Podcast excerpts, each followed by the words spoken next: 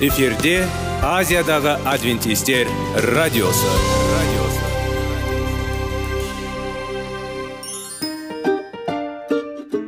Сәлем достар. Денсаулық өмір бұлағы және біздің бірінші байлығымыз демекші денсаулық сағаты рубрикасына қош келдіңіздер. Біздің рубрикада біз әртүрлі факторларменен мәліметтерменен кеңестерменен бөлісіп шын жүректен сіздердің дендеріңіз сау болғанын қалаймыз. Сол үшін біздің рубрикаға қош келдіңіздер. Дайындалып тұрыңыздар. Өйткені келесі минуттарда қызықты фактілерге ие боласыздар. Енді достар ең бірінші байлығымызды қолымызға алып алға кеттік.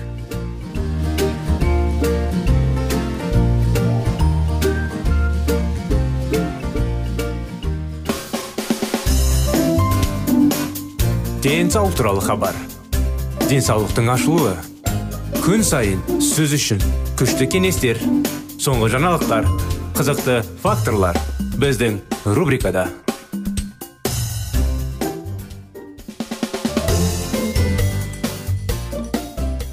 сәлем достар қалайсыздар біздің денсаулық сағат бағдарламамызға қош келдіңіздер құрметті достар келіңіздер біздің бағдарламада денсаулыққа маңызды пайдалы кеңестерді алып дұрыс дұрыс керекті тақырыптарды оқып әңгімелеп зерттеп диалог жүргіземіз бүгінгі күнде көптеген адамдар денсаулықтың бағаламайды болмаса бағалай білмейді. Болмаса біраз нәрселерді дүз түсінбейді. Сондықтан құрметті достар біздің бағдарламада әрдайым сіздерге көмек. Қандай көмек? Денсаулықты дұрыс сақтау үшін. Денсаулықты дұрыс сақтасаңыздар әрине денсаулықтарыңыз мықты болып өмірлеріңіз ұзағырақ болады бақытты болуға көмек болды. Денсаулық нашар болса әрине адамның бақыты нашарлайды. Сондықтан сіздерге құрметті достар салауатты болу салауатты өмір салты жайлы тақырыптарды бастаған едік. Соны жалғастыра кетсек бүгінге келген темекі шегу және кофеин деген сұрақ. Шылым шегу кезінде неге кофе мен шайдан бас тарту керек? Жауабы бар. Темекі шегуден бас тарту кезінде кофеден шайдан және басқа да құрамында кофеин бар сусындардан бас тарту қиын болып көрінуі мүмкін. Алайда егер сіз ең болмағанда олардың талаптарына бас тартпасаңыз онда темекі шегуге қайта оралу қауіпті бар. Темекі шегетін адам ағзасына қарағанда кофеинді тезірек сіңіреді адам темекі шегуге бейім кезде қандағы кофеин деңгейі алғашқы 3-4 күнде өседі. Өйткені оны байланыстыратын никотин ағзаға түсуді тоқтатады. Сондықтан сіз темекі шегудің тоқтатқанда және кофеинді тұтынуды темек төмендетпегенде тоқтату симптомдарын басқа кофеиннің артық дозалауына симптомдары пайда болуы мүмкін. Кофе мен темекі әрдайым бірге жүреді. Сондықтан олар туралы су ішпеу деп айтуға болады. Кофенің түрі иісі мен дәмі темекі шегуге деген күшті факторлардың бірі. Кофені пайдалану темекі тәуелділігін күшейтеді.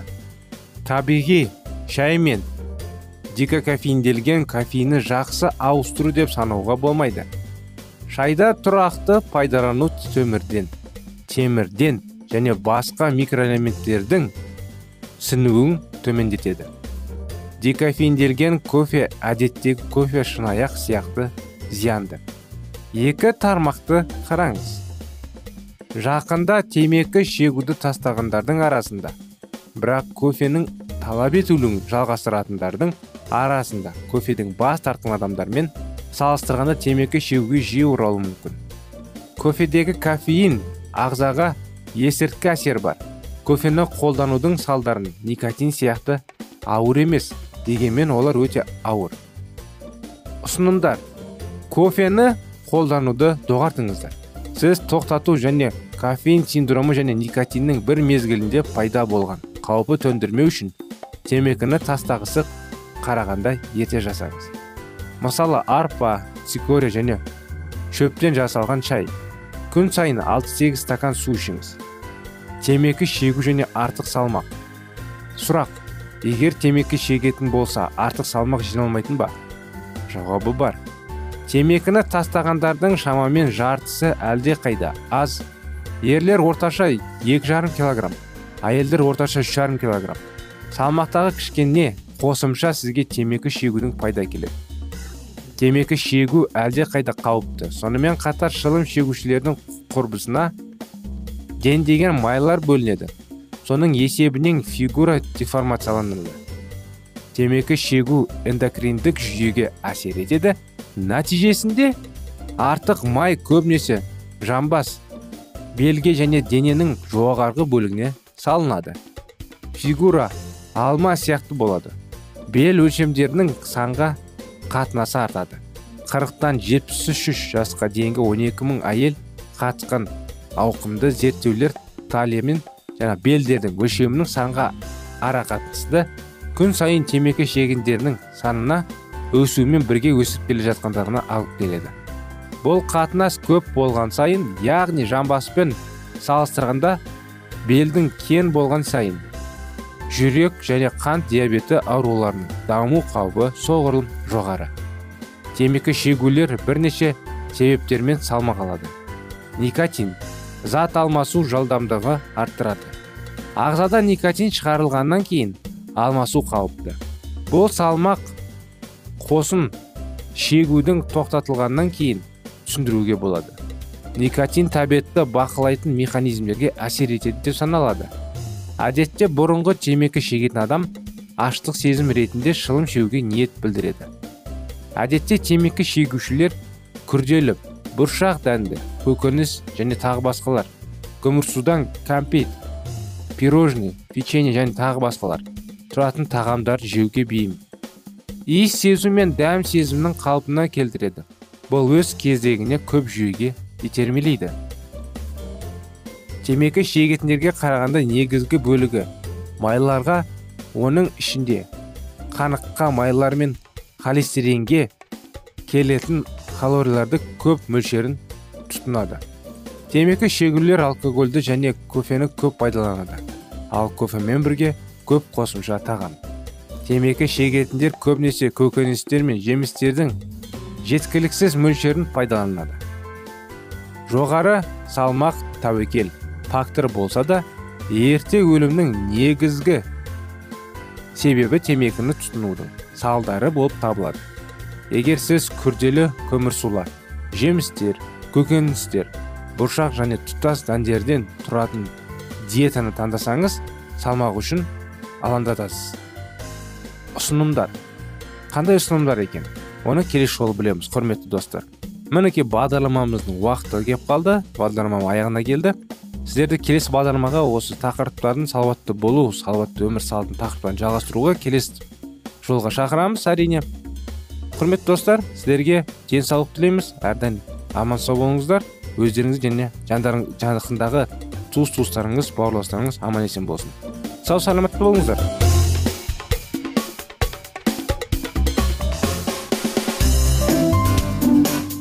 Денсаулық туралы хабар. Денсаулықтың ашылуы. Күн сайын сөз үшін күшті кеңестер соңғы жаңалықтар қызықты факторлар біздің рубрикада.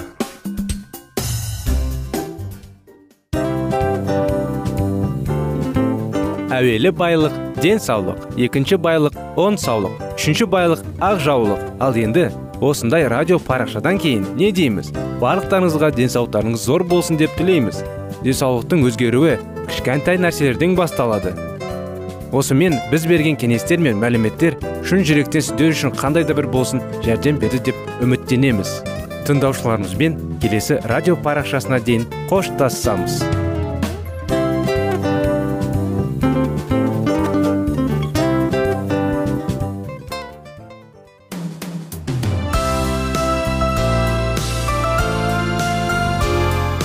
эфирде азиядағы адвентистер радиосы радиосы.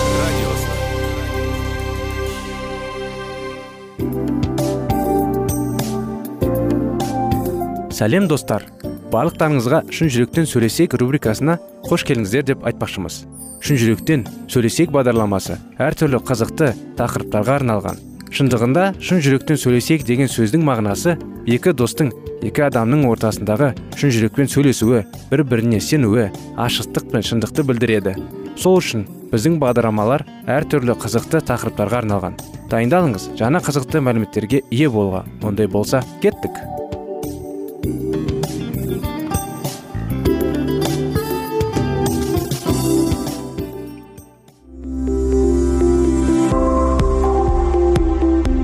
алтын сөздер.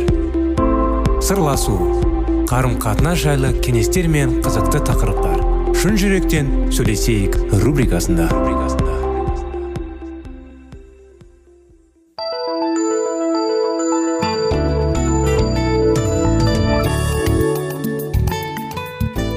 Сәлеметсіздер ме? Армысыздар біздің құрметті радио тыңдаушыларымыз құрметті достар.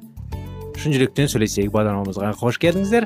Сіздерменен бірге баланың жүрегіне бес қадам тақырыбын жалғастырудамыз. Кейде мінез құлықты түзету пайдалы әсіресе басқа тәрбие әдістері әрекет етпесе және бала жаман мінез құлықта өкінбейді. Бірақ біз бұл әдісті тек төтенше жағдайларда ғана қолдануға болады деп есептейміз. Егер ата аналар осы әдісті теріс пайдаланса бала олардың махаббатын сезінбейді. Басты себеп мінез құлықты түзету өзін мәні бойынша шартты бала өзін қажеттілігінше ұстаса ғана марапатқа ие болады. Сонымен қатар бұл жағдайда баланың сезімі де қажеттілігі де ескерілмейді және ол сөзсіз махаббат сезбейді. Егер ата аналар баланың мінез құлқы осы жолмен бақылауға тырысса онда оның жалған құндылықтар жүйесі пайда болады.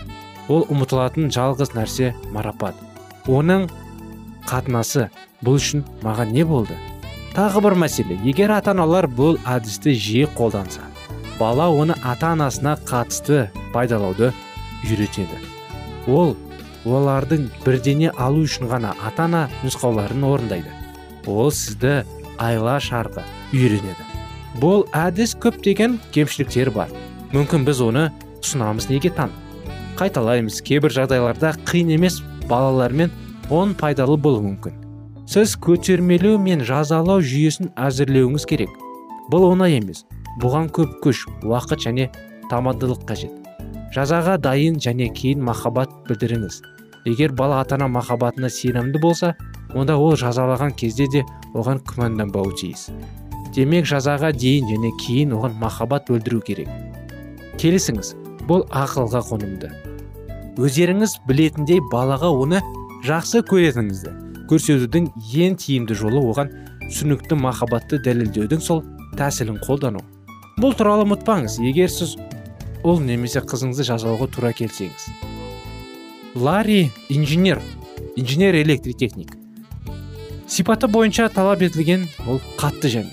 Ол балаларды қатан тәрбиелейді. Әрбір тынамаған жағдайларда олар қателік жасаған кездерде қатал, қаталы жаза болады.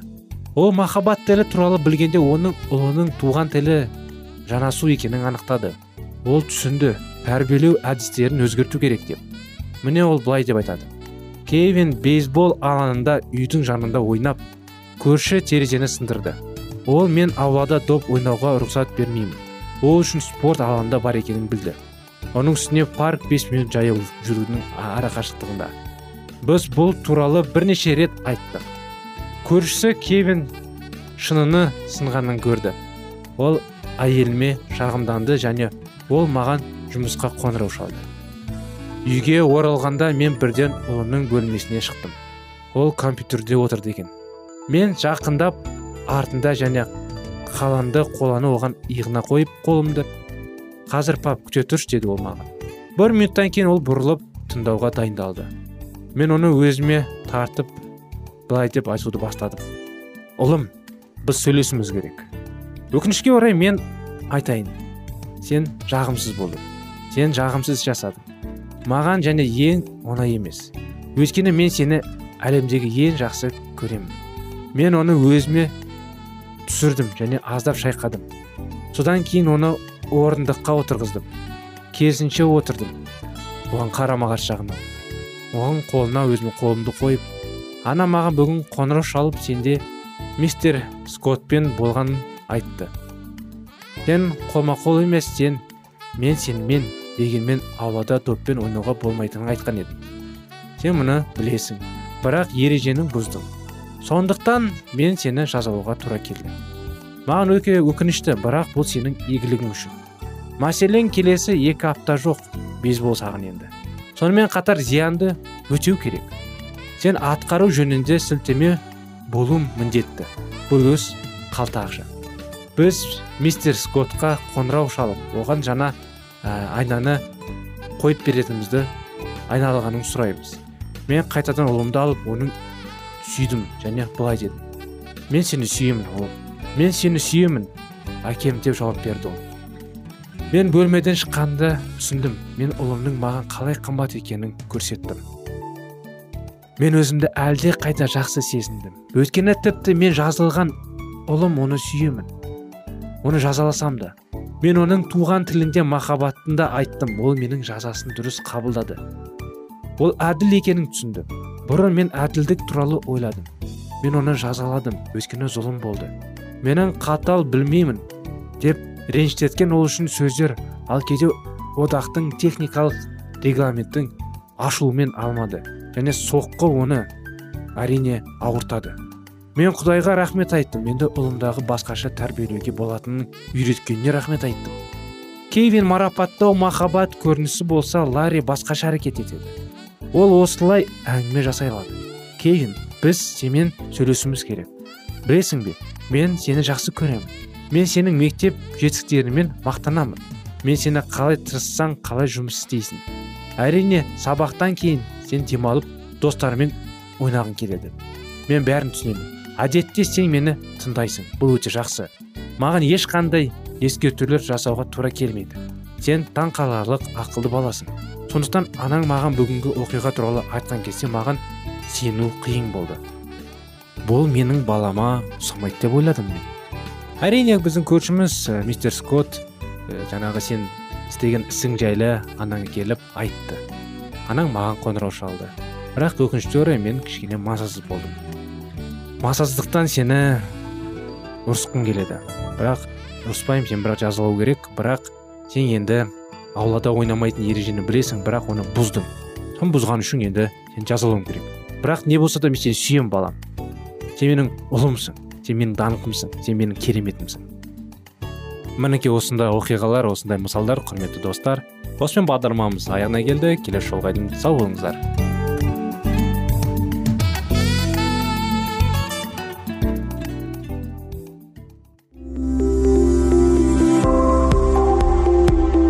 Алтын сөздер.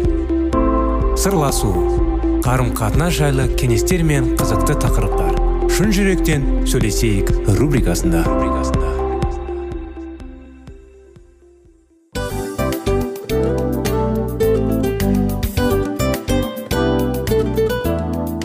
Құрметті достар барлық ең соңғы кеңестер аяқталған соң біздің программамыз соңына келіп қалды.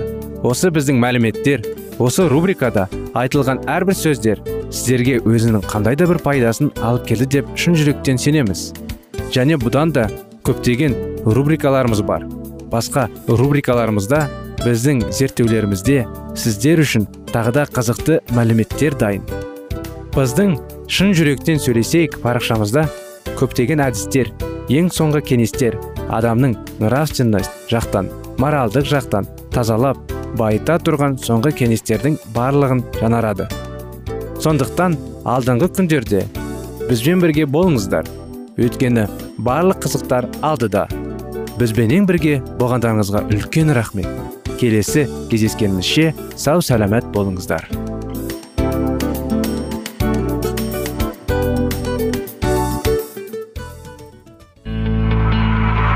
Жан дүниеңді байытқан жүрегіңді жаңғыртқан өмірдің мағынасын ойландырған рухани жаңғыру рубрикасы.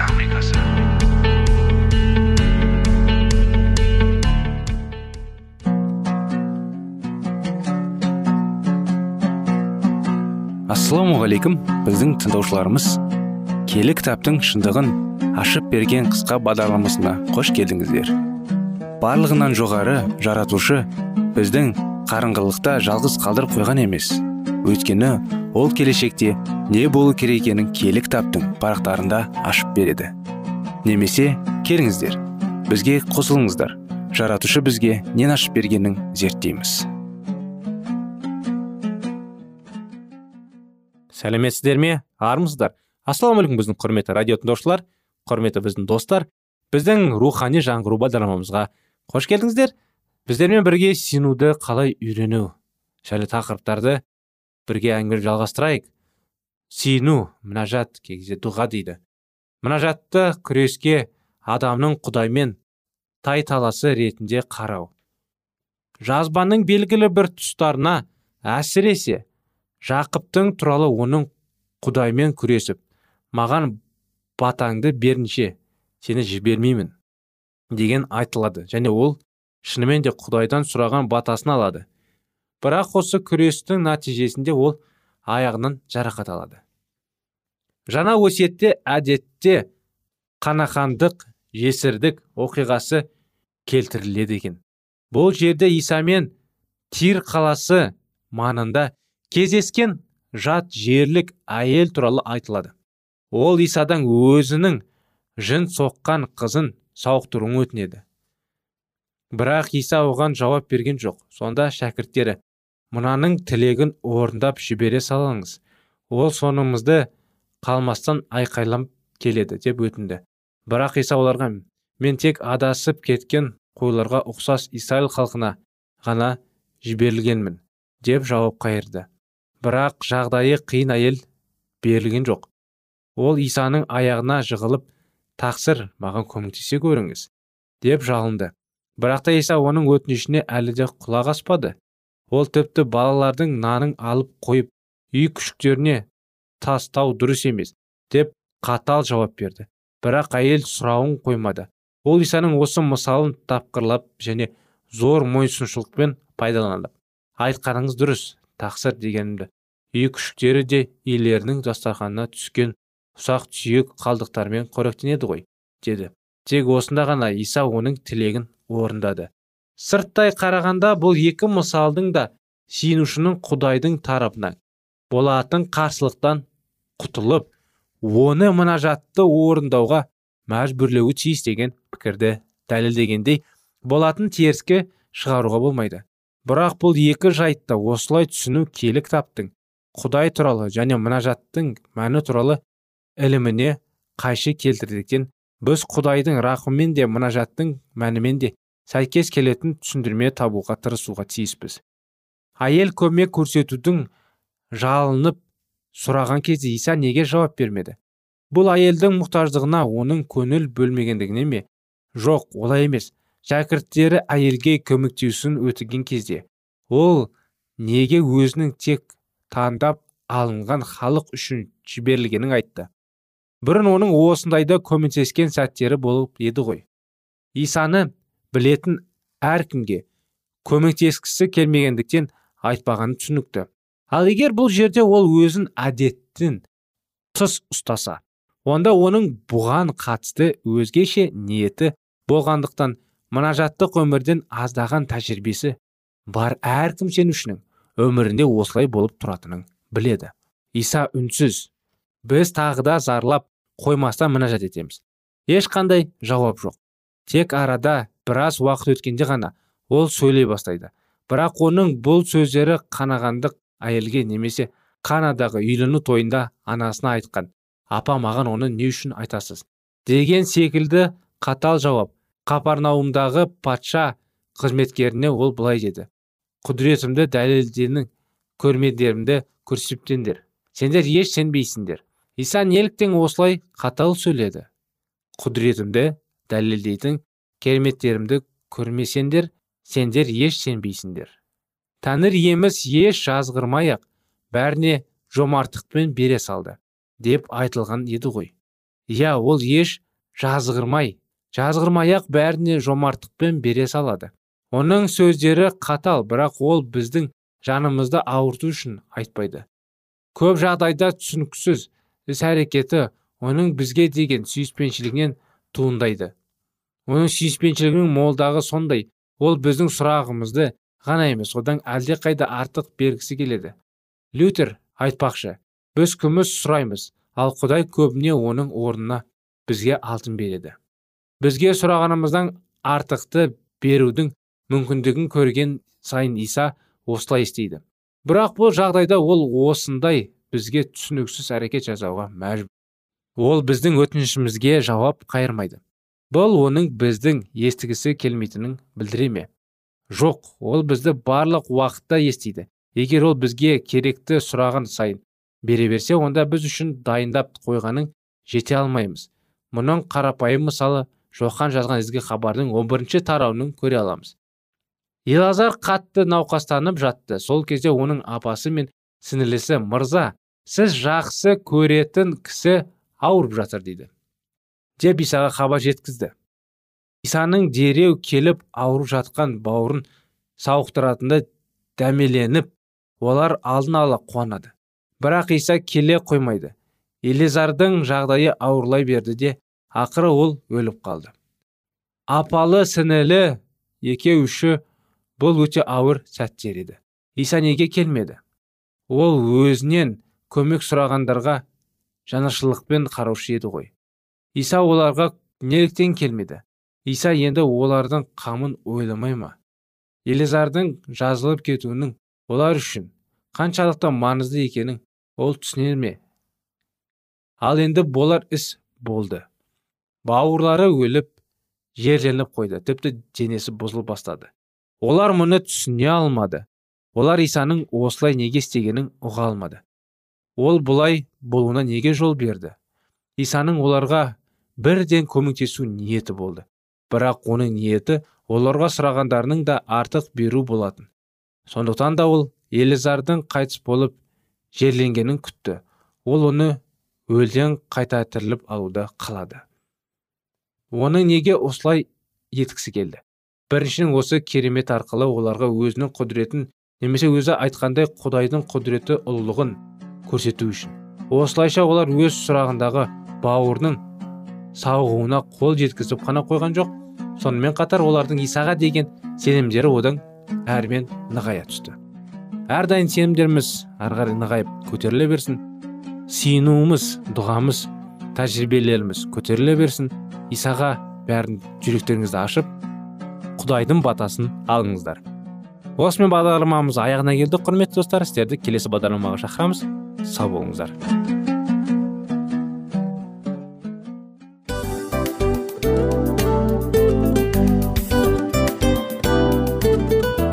Осымен достар программамыздың зерттеуіміздің ең қайғылы минутына жеттік. Қайғылы дегенде бағдарламамыз тез арада өтті де кетті. Соған көңіліміз деп тұр. Жарайды қайғыны қояйық бүгінгі 24 сағаттың алтындай жарты сағатын бізге бөліп арнағаныңыз үшін рахмет. Егер де өткен сфераларда пайдалы кеңес алған болсаңыз біз өзіміздің мақсатымызға жеткеніміз. Тыңдаушыларымызбен қоштасу уақыты келді. Келесі кездесулерді сағынышпен күтеміз. Жарты сағатты кездесуіміз көз ашып шапқанша дем арасында өтіп кетті. Бірақ бізде жақсы хабар бар. Келесі зерттеулерімізде сөзсіз кездесеміз. Өйткені көптеген сюрприздер қызықты мәліметтерді және керекті нәрселерді көбін дайындадық. Бүгінгі күндеріңіз өзгеше позитивті болсын. Жақындарыңыз аман есен болсын деп тілейміз. Жаратқан ие барлықтарыңызға батасын берсін. Істеген істеріңіз игілікті болсын. Келесі кездескенше сау саламат болыңыздар. Достар біздің бағдарлама бойынша сұрақтарыңыз болса әрине сіздерге керекті анықтама керек болса біздің whatsapp нөмірімізге хабарлассаңыздар болады. Плюс бір үш жүз бір жеті жүз алпыс алпыс жетпіс. Иә достар сіздер қателеспедіңіздер бұл біздің номерлерге ұқсас болмаса да бұл whatsapp номер арнайы. Хабарласыңыздар сұрақтарыңызды қойып тұрыңыздар. Анықтаманы алып тұрыңыздар. Плюс бір үш жүз бір жеті жүз алпыс алпыс жетпіс whatsapp номері